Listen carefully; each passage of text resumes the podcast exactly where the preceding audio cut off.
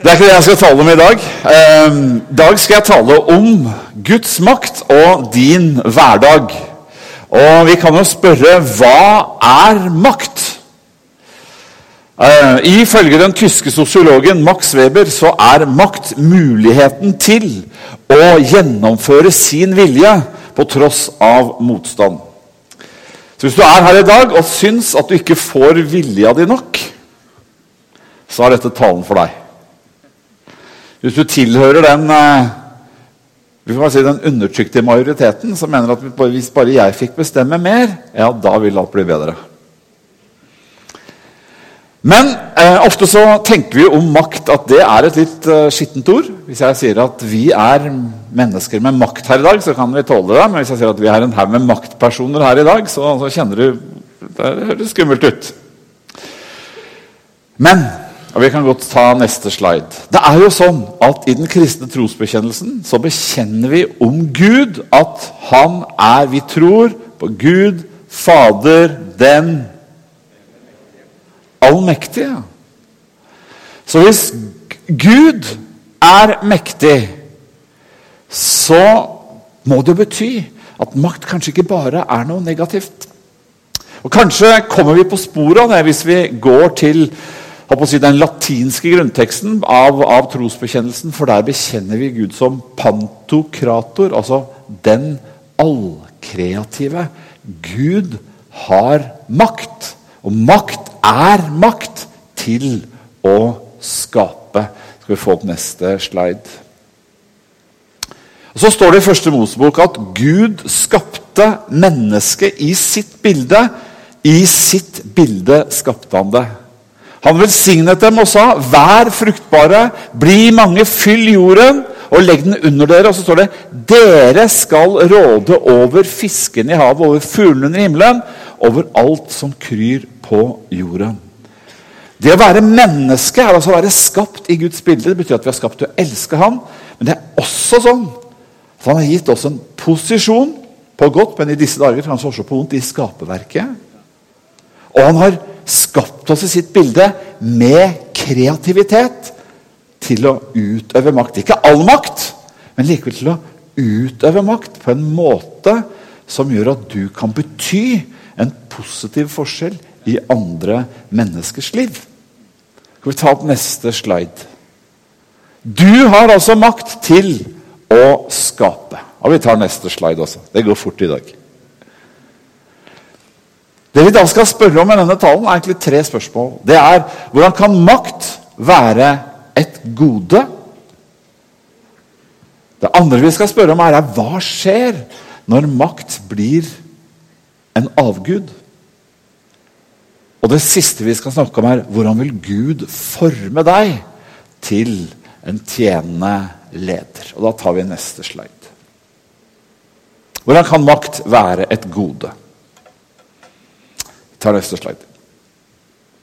Jo, makt kan være et gode når du bruker de tre tingene som den franske sosiologen Pierre Bourdieu han sier at vi alle sammen vi, vi, vi, har makt i hendene våre, og det er tre typer av makt. Den er kunnskap og kompetanse.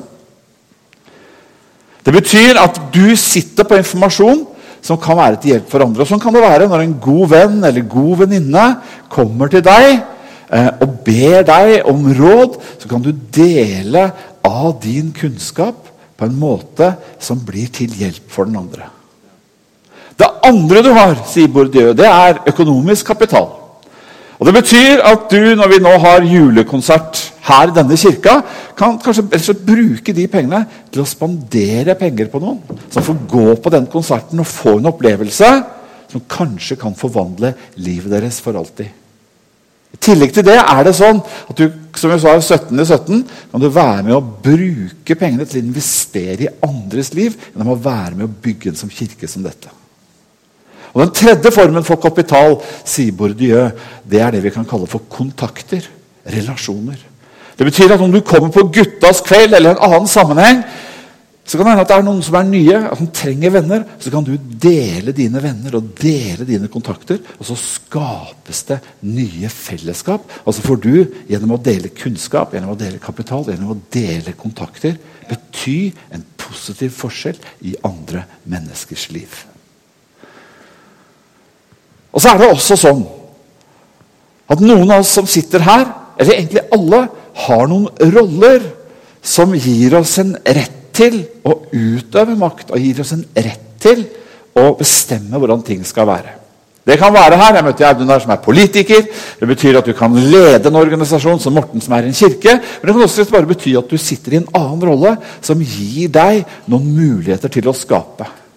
Ja, jeg vil faktisk si at en sånn uformel rolle som en god venn, en venn som andre har tillit til, den innebærer en mulighet til å bety en forskjell i andres liv. Og Det der kan være litt overveldende hvis vi tar opp neste bilde. Så er det også sånn at makt ikke bare er en mulighet til å skape, men makt er også makt overfor andre. Jeg vet ikke om du noen gang har holdt et nyfødt barn i hånden. Det er en ganske overveldende opplevelse. Spesielt hvis det er ditt barn, og du er forelder for første gang. For du vet at nå holder jeg dette livet i min hånd. Og det livet er mitt ansvar først og fremst å ta seg av. Det er det som er overveldende med makt. Og det er altså sånn at Gud har lagt ned Når vi er skapt i hans bilde, betyr det også at Gud kommer til å holde oss ansvarlige. For det er sånn, sier filosofen og teologen Knut Løgstrup, at vi har aldri med et annet menneske å gjøre uten at vi holder noe av livet deres i vår hånd. Og da kan vi nesten bli, bli litt sånn redde og tenke Makt er noe farlige greier. La oss grave ned talentene våre. La oss grave ned pundene våre. Men hvis du leser lignelsene til Jesus, så ser du at Gud ikke aksepterer det. Det er altså ikke et alternativ å gjemme bort de gavene, den formen for kunnskap, den formen for kapital og den formen for kontakter jeg har. Men jeg må i stedet lære meg til å bruke det på en god måte. Og Hvordan kan da makt være et gode? Jo, i Bibelen, og særlig i både Det gamle og Det nye testamentet, så, så møter vi det vi kan kalle for, for hyrdemodellen. Og jeg henter nå litt stoff fra Det gamle testamentet og kong David. Som ikke begynte som en konge. Og så skal vi også se litt på hva han sa, og hva Det nye testamentet sier om den gode gjeteren. For det er jo et lederansvar. Det var sånn kong David han startet med en lavstatusjobb. Kanskje, sier noen bibelforskere også, det er omdiskutert at når David i Salme 51 sier at 'jeg ble unnfanget i synd', så kan det bety at uh, han var født utenfor ekteskap, og at faren ville sende han bort. Så han fikk liksom det laveste du kunne få, det å gjete småkje. Men der ute i ødemarken, bortsendt fra alle, der viste David godt, eh, god forvaltning av det som Gud hadde gitt ham. Og Vi skal snart få opp noen punkter som sier litt om det vi kan kalle den gode hyrde, eller, eller, eller rollemodellen den gode hyrde. skal vi se. For det første Den gode hyrde går foran som et eksempel. Den gode hyrde, sier David, han leder meg til og Det er faktisk ennå sånn i dag at den israelske armeen som nettopp bærer davidsstjernen, så har man fulgt dette prinsippet. Derfor vil du se at Hvis du ser på tapstallene av generaler i både Jom Kippur-krigen og tidligere kriger, så er det de høyeste tapstallene i verden. Hvorfor det? Fordi i den israelske armeen så går lederne, generalene, går foran.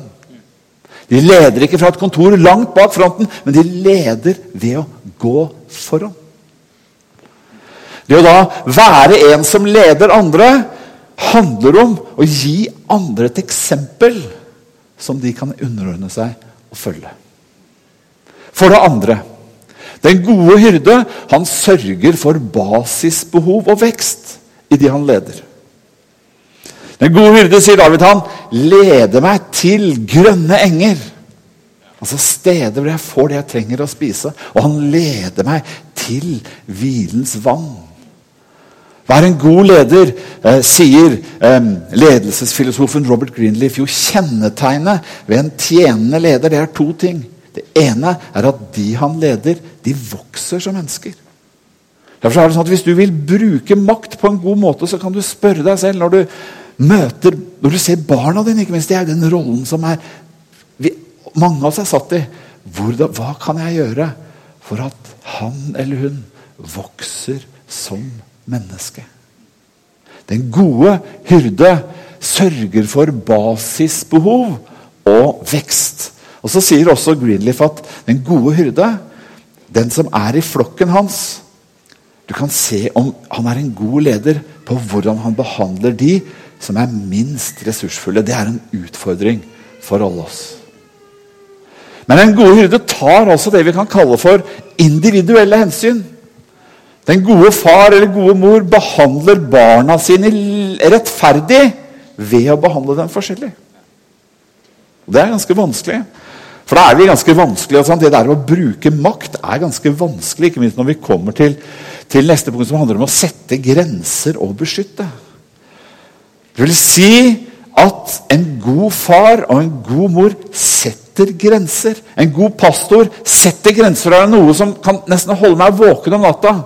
Så er det her Er jeg for tøff? Setter jeg for tøffe grenser og legger byrder på folk som kristen leder?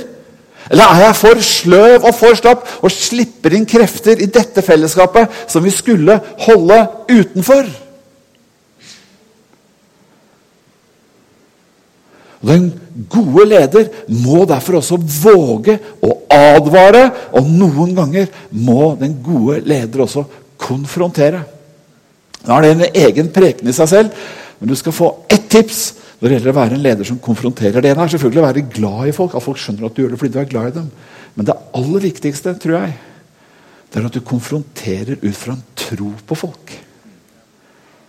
Du sier at 'det der du gjorde, det var feil'. Og jeg sier det til deg fordi jeg tror at du kan så mye bedre. Da bygger du mennesker, også når du konfronterer. Og så får de oppleve å vokse som mennesker. Og det er det som skjer der hvor den gode hyrde leder. Så handler det også om å vise måtehold, eller det psykologene kaller for impulskontroll, når vi skal bruke tvangsmakt. Her er dette igjen et stort spørsmål, men vi vet at politiet bærer våpen. Eller det diskuteres jo disse dager. Men de gjør det fordi den gode leder også må beskytte. Derfor så handler det om at vi skal beskytte mot mobbing i skolen. Derfor så handler det om at vi skal beskytte mot seksuelle trakassering i organisasjoner. Det er nemlig sånn at Verden er sånn at vi må sette grenser, og noen ganger må vi bruke tvangsmakt. Og da må vi vise måtehold og evne til impulskontroll. Og David fremstår også som et fantastisk bilde på det. For når David hadde vært trofast leder, han hadde forvaltet det som Gud hadde gitt ham av makt og av kreativitet, på en god måte, så skjer det som ofte skjer, at den som er satt over lite, blir satt over mer. David stiger i gradene han blir hoffmusikant om du vil, hos kong Saul. Og når han bruker sin kreativitet, så skjer det noe. Depresjonen og de onde kreftene som hviler over Sauls de må vike når David bruker sin kreative makt. Det ligger en fantastisk makt i kreativitet. Selv om du ikke har så mange gaver, og selv om du ikke er så veldig flink, så hender det noen ganger som en venninne av meg fortalte at mannen min han kan egentlig ikke synge. han er egentlig ikke noe flink til å danse, men vet du hva han gjør? Nesten hver dag så setter han på en musikk, og så tar han meg, og så danser vi rundt i ett til to minutter. Og dans innenfor ekteskapet er ikke synd, bare så du vet det. innenfor ekteskapet. Og så sår han sin kreativitet, og så høster han kjærlighet. Og David hadde denne kreative kraften som musiker. Og så blir han tatt til neste nivå. Han blir en sånn politimann i Israel Og det er mange måter kunne vi si at det var det militæret gjorde. De, de stoppet disse plyndringene når nabostammene kom inn for å brenne landsbyene, for å stjele avlingene, ja, til og med for å voldta kvinnene. Da var David soldaten som satte ned foten og kjempet for de svake. Og så blir David også i det så suksessrik at de begynte å synge om ham. De begynte å synge Saul, kongen, han har slått tusener. Men David har slått titusener. Da blir Saul redd. Hans makt blir truet. Og så setter han i gang å forfølge David. Han setter hele den israelske armeen etter David. David må gjemme seg forskjellige steder, og ett sted gjemmer han seg i en hule. og Da får vi opp neste bilde.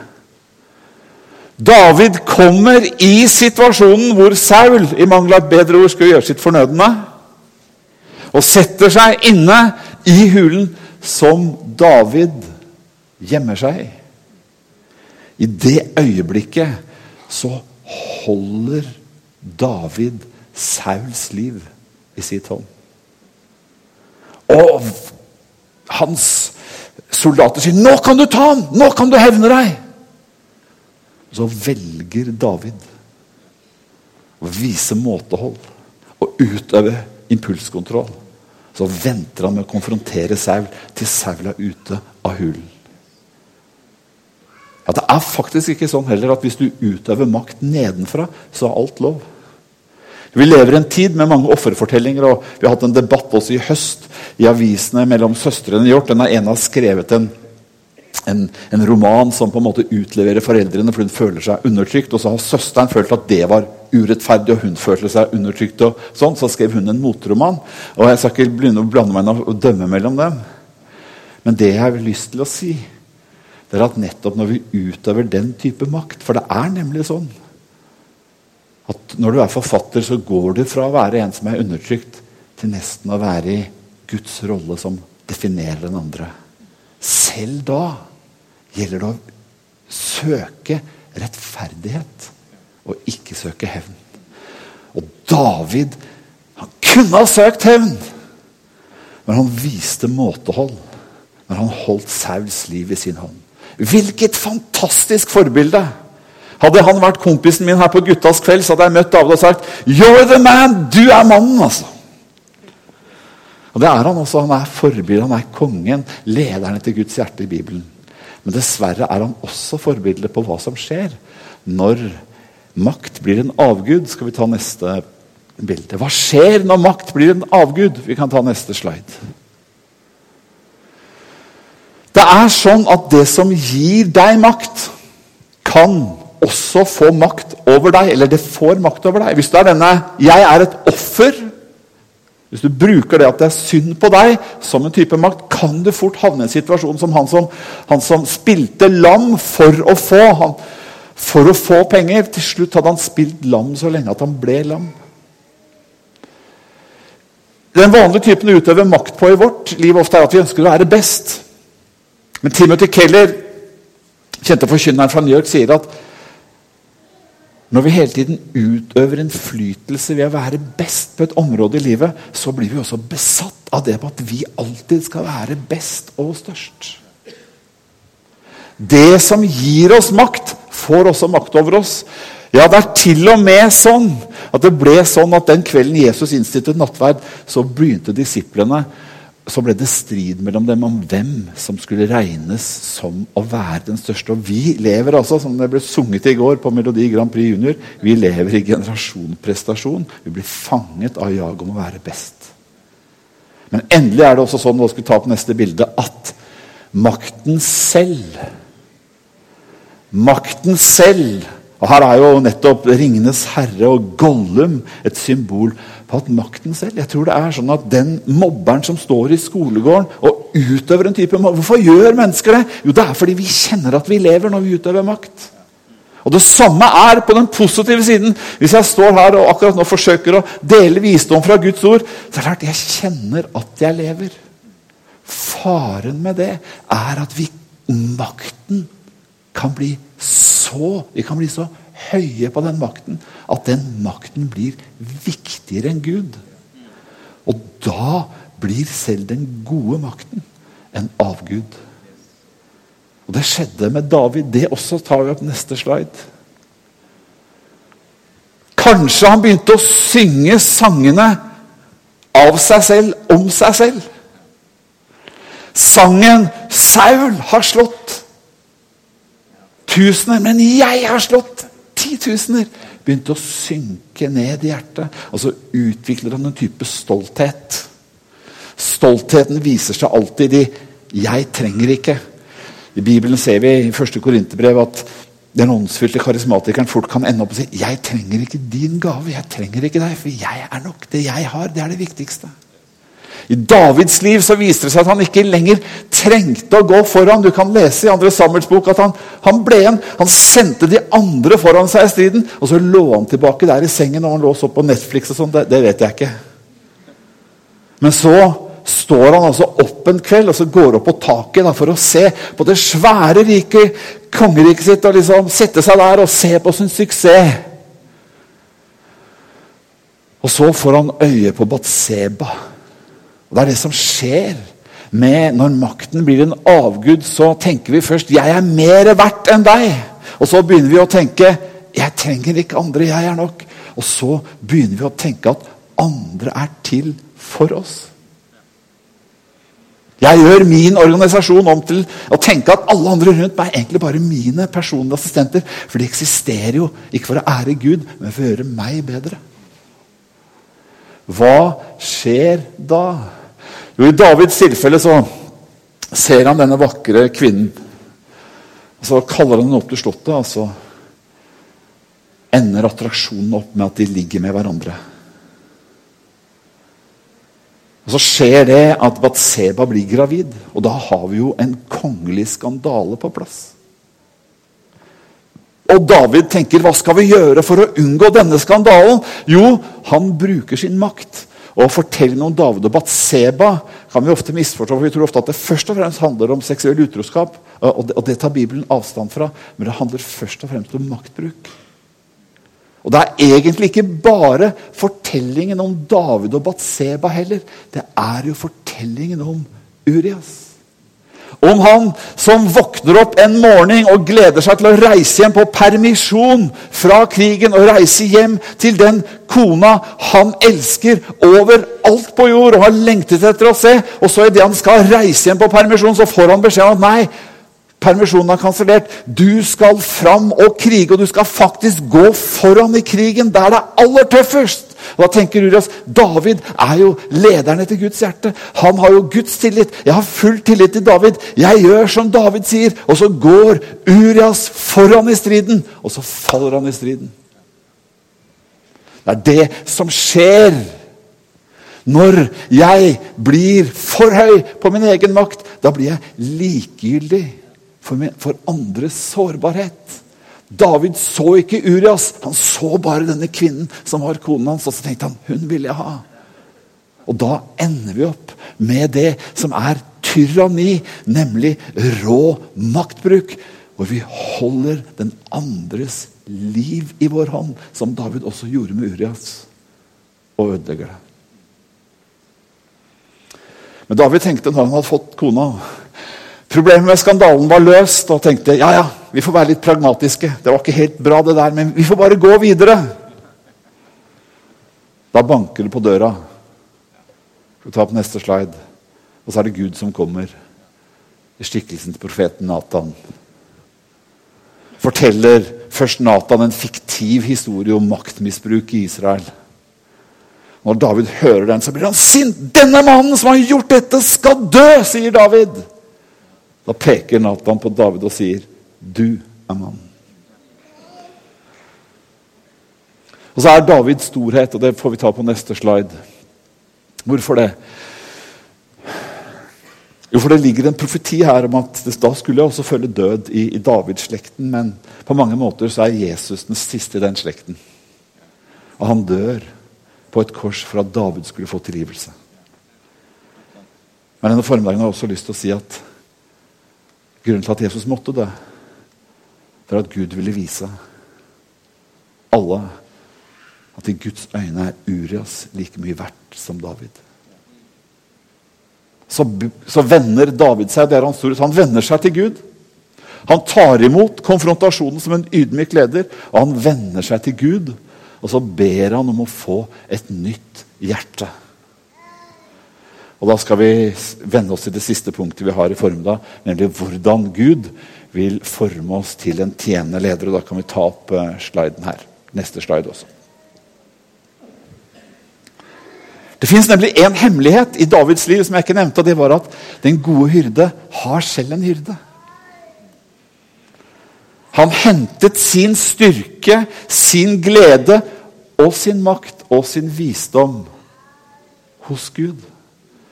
Og Det å bli en kristen det er å få lov til å komme inn i den relasjonen til Gud gjennom Jesus Kristus. Det er å ha fellesskap med ham. Å finne nåde hos Gud. Hva har det med makt å gjøre? Jo, Jesus sier, 'Jeg gjør ingenting av meg selv', sier han. Jeg bare gjør det jeg ser far gjøre, fordi far elsker sønnen og viser ham alt det han vil gjøre.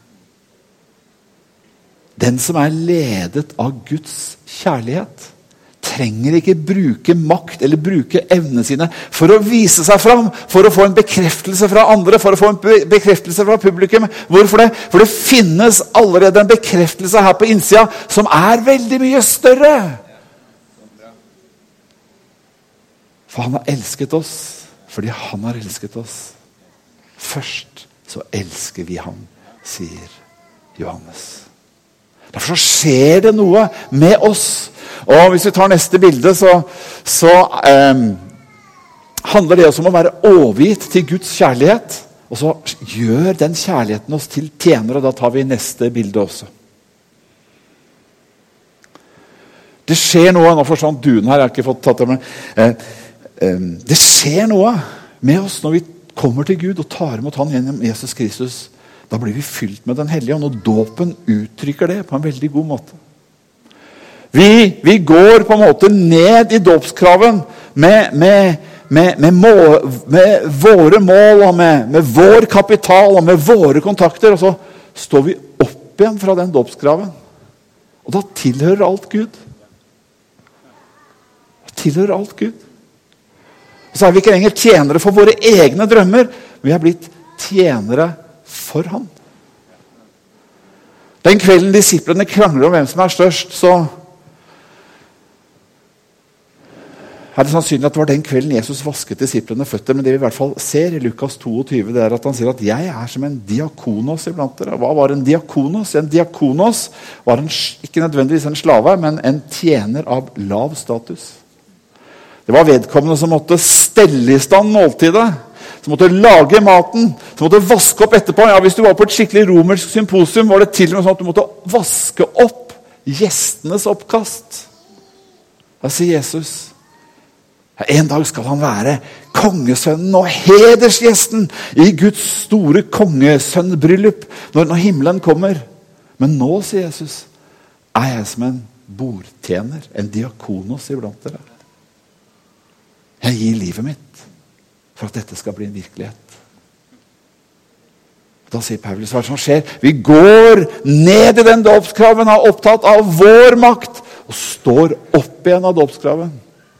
Som mennesker som av hjerte har blitt tjenere. Og Det som er så fantastisk, det er at det handler ikke om oss. Skal vi se på neste bilde. Dere hvis dere blir i meg, og mine ord blir i dere, da be om hva dere vil, og dere skal få det. Dere har ikke utvalgt meg, men jeg har utvalgt dere og satt dere til å gå ut og bære frukt. En frukt som varer. Da skal Far gi dere alt det dere ber om i mitt navn. Det som skjer, er at i det øyeblikket jeg står opp der og kan leve for noe som er større enn meg selv, nemlig det som Gud vil jeg skal tjene, ja, da får jeg også del i Guds makt. Jeg skal ta opp et bilde her av en som illustrerer det. Alma Halse. Hun reiste som ung jente i 20-årene fra Ålesund og til Finnmark. Og hadde et kall om å være med og ta seg av jenter som var misbrukt seksuelt, jenter som var utstøtt av familien, barn som var foreldreløse. Hun reiser opp med alt sitt sunnmørske pågangsmot og ser et halvbygd hotell stå oppe i Alta og sier at det kjøper vi, og så gjør vi det om til et hjelpesenter og et barnehjem. Og hun får det til. Ikke minst fordi det var bedt bønner. Hun delte Guds makt. Så i 1940 ruller den tyske armeen inn i Alta med Wehrmacht. Og de ser dette svære bygget og sier dette huset her vil vi ha til hovedkvarter. Da sier eh, Alma Jeg tar den opp på den nordland, nordlandske kilden som sa det til meg. Da sa hun Alma dere kan gå i bønnekjelleren. Jeg forhandler med tyskerne. Så går de i bønnekjelleren og ber, og så forhandler Alma med tyskerne og sier dette huset her får ikke dere som hovedkvarter. Dette huset her har Gud gitt meg til å ta, ta meg av foreldreløse. Og de tyske generalene bøyer av. Så hører det med til historien da får vi ta neste punkt. Det hører med til historien at når Finnmark ble brent i 1945, så ble også dette huset brent. Men Alma dro i forveien ned til Oslo og begynte å finne folk Og si at når tyskerne er ute, skal vi bygge det opp igjen. Og det skjedde.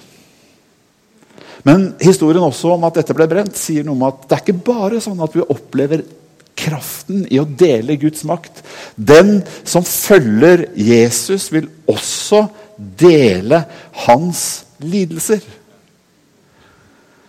Og En interessant person å studere i dag vil være profeten Jeremia.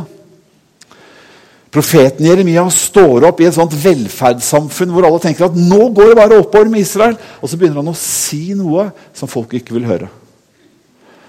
Hvis du vil jukse litt, det kan høres litt rart hvis du vil jukse litt og starte studiet av Jeremia, så kan du begynne å se filmen 'Haisommer'. Hvorfor det?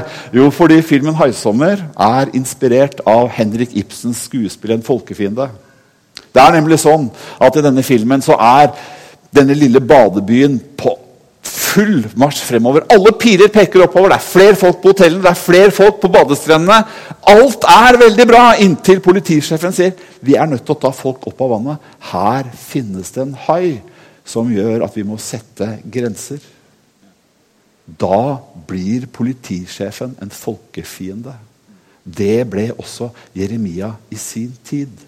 Det å dele Guds makt betyr ikke alltid at vi lever i en evig holdt jeg på å si, palmesøndag hvor folket roper Hosianna til oss.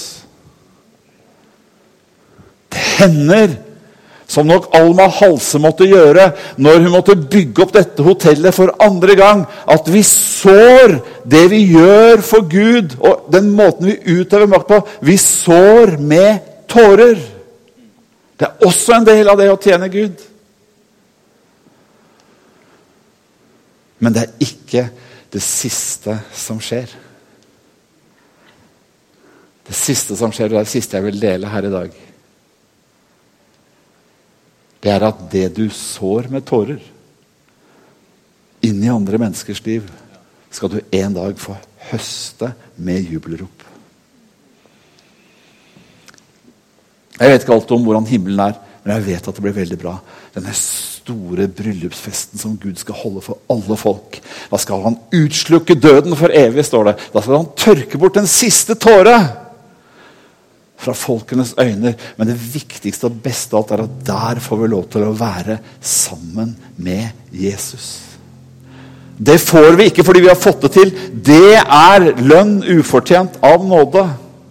Men kanskje vil det også være sånn at det fins en gigantisk en ufortjent bonus. Og det er at det finnes mennesker i den evigheten som er der.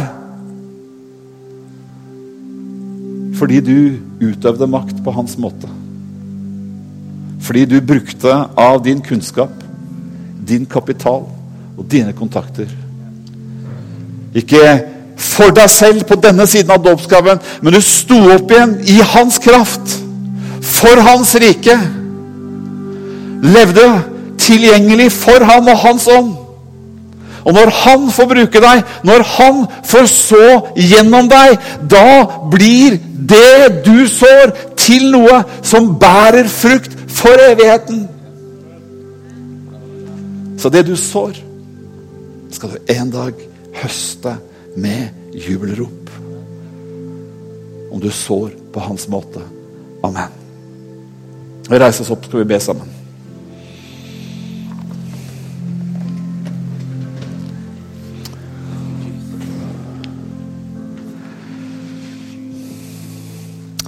Herre Jesus, jeg takker deg for all eh, kreativitet. Alle gaver av kunnskap, av evner, av ressurser, av relasjoner som fins i dette rommet og i denne kirka. Takk, Herre, fordi at eh, du er vår hyrde. Takk for at du leder Morten og lederskapet her. Takk for at du også vil lede hver enkelt en av oss som er her denne formiddagen. Nå har jeg lyst til å be en bønn for deg som, som, kjenner at yes, jeg vil på nytt bare stille meg framfor Gud og si her er jeg. Ikke bare er jeg her med kunnskapen min, ikke bare er jeg her med kapitalen min, ikke bare er jeg her med relasjonene mine, men jeg er her med meg selv. Så vil jeg på en måte gå ned i den dåpsgrava og si at nå er det ikke lenger mitt. Jeg vil stå opp igjen og si herre, her er jeg for deg. Jeg vil be en bønn for deg. Herre, takk for at du tar imot de som stiller seg fram for deg som et velbehagelig offer. Og takk for at du fyller og salver på nytt med din Hellige Ånd, Herre. Takk for ny kreativitet. Takk for ny glede. Takk for ny kjærlighet. Takk for ny visdom. Ja, takk for ny kraft, Herre. Takk for ny makt i bønnen, Herre. Ikke fordi vi gjør det, Herre, men fordi det er nåde. For det er din ånd som gjør det. Herre, jeg ber også for han eller henne som står her akkurat nå og kjenner sorgen over å være misbrukt av makt på en eller annen måte. Herre, jeg ber om at du må få røre med hjertet, sånn at ikke det blir hevn, men det blir rettferdighet. Takk for at du salver også det hjertet med legedom akkurat nå, og smører det med tilgivelsens og gledens olje i Jesu navn. I Jesu navn. Og så ber jeg Herre om at alle skal gi oss håp, så at vi kan se fram til lønningsdagen også når vi er slitne, Herre. Men det handler ikke om oss. Det handler om deg. Måtte du få all ære i evighet. I Jesu navn. Amen.